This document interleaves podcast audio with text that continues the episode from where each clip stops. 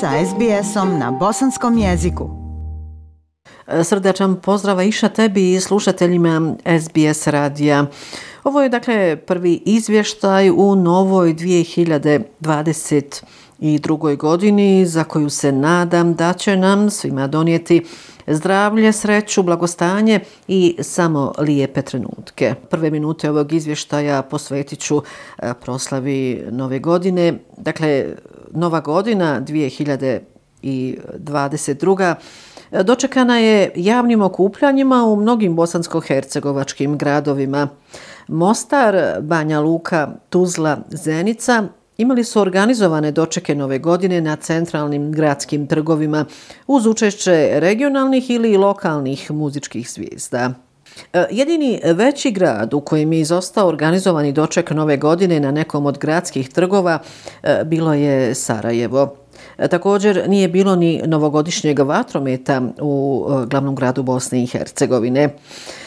Podsjetit ću, Gradsko vijeće Sarajeva je prije mjesec dana donijelo odluku da se novac namijenjen organizaciji dočeka nove godine preusmjeri za potrebe liječenja djece oboljele od karcinoma i oboljele od dijabetesa.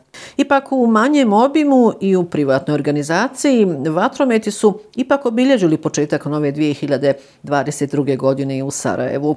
Dakle, e, bilo je živo i e, u tom privatnom ambijentu, u kućama, domovima, ali i u mnogim restoranima, kafićima i pubovima. E, Mostarci su u novu godinu ušli uz taktove muzike Indire Levak, muzičarke iz eh, Hrvatske. Njoj se na sceni prilikom odbrojavanja posljednjih sekundi 2021. godine eh, pridružio gradonačelnik Mario Kordić zaželjevši svim ostarcima i mostarkama sretnu i uspješnu novu godinu. S obzirom da je u Mostaru doček nove godine organizovan bez bilo kakvih epidemioloških mjera, eh, privukao je veliki broj gostiju, posebno iz Dalmacije. U Banjoj Luci, okupljene na trgu Krajine u Novu godinu, uveo je također muzičar iz Hrvatske Petar Grašo. Osim njega, okupljene su zabavljali i Neda Ukraden te Ana Bekuta. Na organizaciju javnog dočeka Nove godine, kako su izvijestili ovdašnji mediji, potrošeno je 200.000 konvertibilnih maraka, a sam novac je osiguran putem donacija. I u Zenici se na centralnom gradskom trgu okupilo nekoliko hiljada ljudi na javnom dočeku nove godine. Okupljene Zeničane u novogodišnjoj noći zabavljali su Mahir Mulalić i Isak Šabanović. To ima se tačno u ponoć na sceni pridružio i gradonačelnik Zenice Fuad Kasumović. I na Trgu Slobode u Tuzli organizovan je javni doček e, nove godine. Okupljene su u novogodišnjoj noći, zabavljali vokalno-instrumentalni sastavi kapitalisti, Salt City Band i um, vokalno-instrumentalni sastav Retro, a tačno u ponoć upriličen je i Vatromet. Dakle, ovo su samo neki od ovih većih gradova koje sam izdvojila uh, za ovo javljanje. Uh, Aisha, tačno u ponoć, sigurno je da su nam želje bile identične, da smo svima, dakle prvo sebi, a onda svojim najbližim, poželjali uh, e, sve najbolje u 2022. godini. Evo i kratke ankete koje na neki način to potvrđuje. Poslušajte. Ni, ništa dobro. Pesimista jesam. pa ja se nadam da će biti bolje, ja očekujem da prođe pandemija, to mi je onako broj jedan, a sve ostalo mislim da će vjerovatno biti bolja od prošle godine.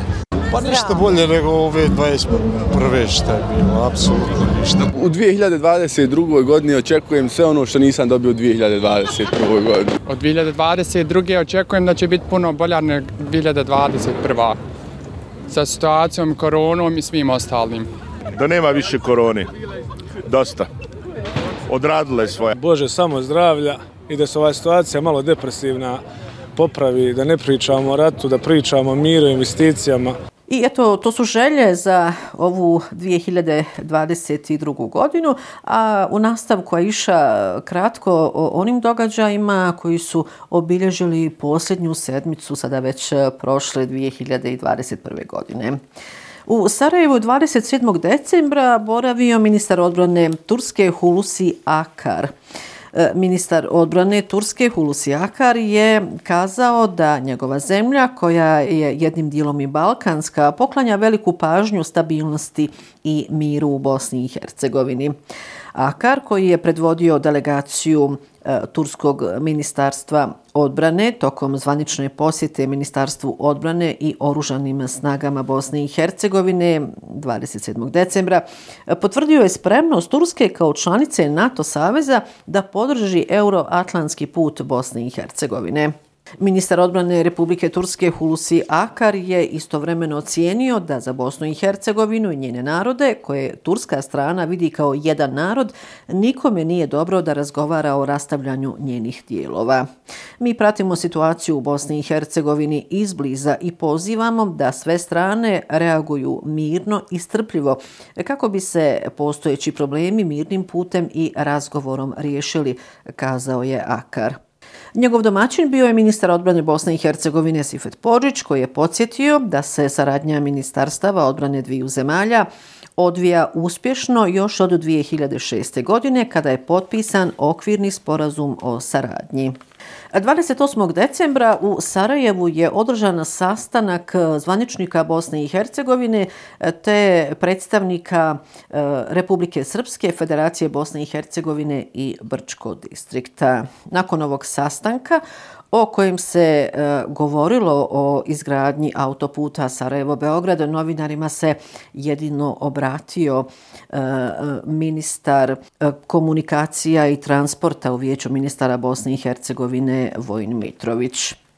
Prema njegovim riječima, gradonačelnik Brčkog Esad Kadrić u narednim danima treba organizovati sastanak da se imenuju nosioci u ime entiteta i definiše datum kada će se sastati i razmotriti varijante za dionicu autoputa Sarajevo-Beograd koji upravo prolazi kroz Brčko. To je na neki način i zaključak e, ovog sastanka koji je, kako rekao, održan u Sarajevu 28. decembra. E, ministar komunikacija i transporta u vijeću ministara Vojn Mitrović također je kazao novinarima da konačna odluka o izboru trase kroz Brčko upravo i pripada distriktu Brčko. E, poslušajte između ostalog šta je još izjavio e, ministar Vojn Mitrović. Planskom dokumentacijom dužina autoputa kroz Brčko distrikt je negdje oko 31 km, a sve ove druge varijante koje su razmatrane i predložene od strane zavoda su dužine 53-54 km. Samo želim reći da postoji različito mišljenje da jednostavno i sa stanovišta finansiranja trase kroz Brčko distrikt velika je razlika u dionici od 30 ili 50 i nešto kilometara. U ovom trenutku finansiranje koje je bilo predviđeno od Turske, ponuđeno je finansiranje od e, jedne ruske državne agencije i to je praktično zadatak bio turske vlade. Ponuđeni su određeni uslovi, mislim da je u ovom trenutku da su počeli razgovori oko uslova samog finansiranja, samog tog kredita od strane Ruske državne agencije. 28. decembra iša zasjedila i Skupština kantona Sarajevo i evo ako se može reći da e, je e, donesena jedna dobra pozitivna vijest, onda je to svakako bilo tog dana. Naime, svaka porodilja u kantonu Sarajevo bez obzira na e, radnopravni status primaće mjesečnu naknadu u iznosu prosječne plate u Federaciji Bosne i Hercegovine koja sada iznosi oko 1000 konvertibilnih maraka. Skupština kantona Sarajevo Sarajevu usvojila je prijedlog zakona o izmjenama i dopunama zakona o socijalnoj zaštiti, zaštiti civilnih žrtava rata i zaštiti porodice sa djecom.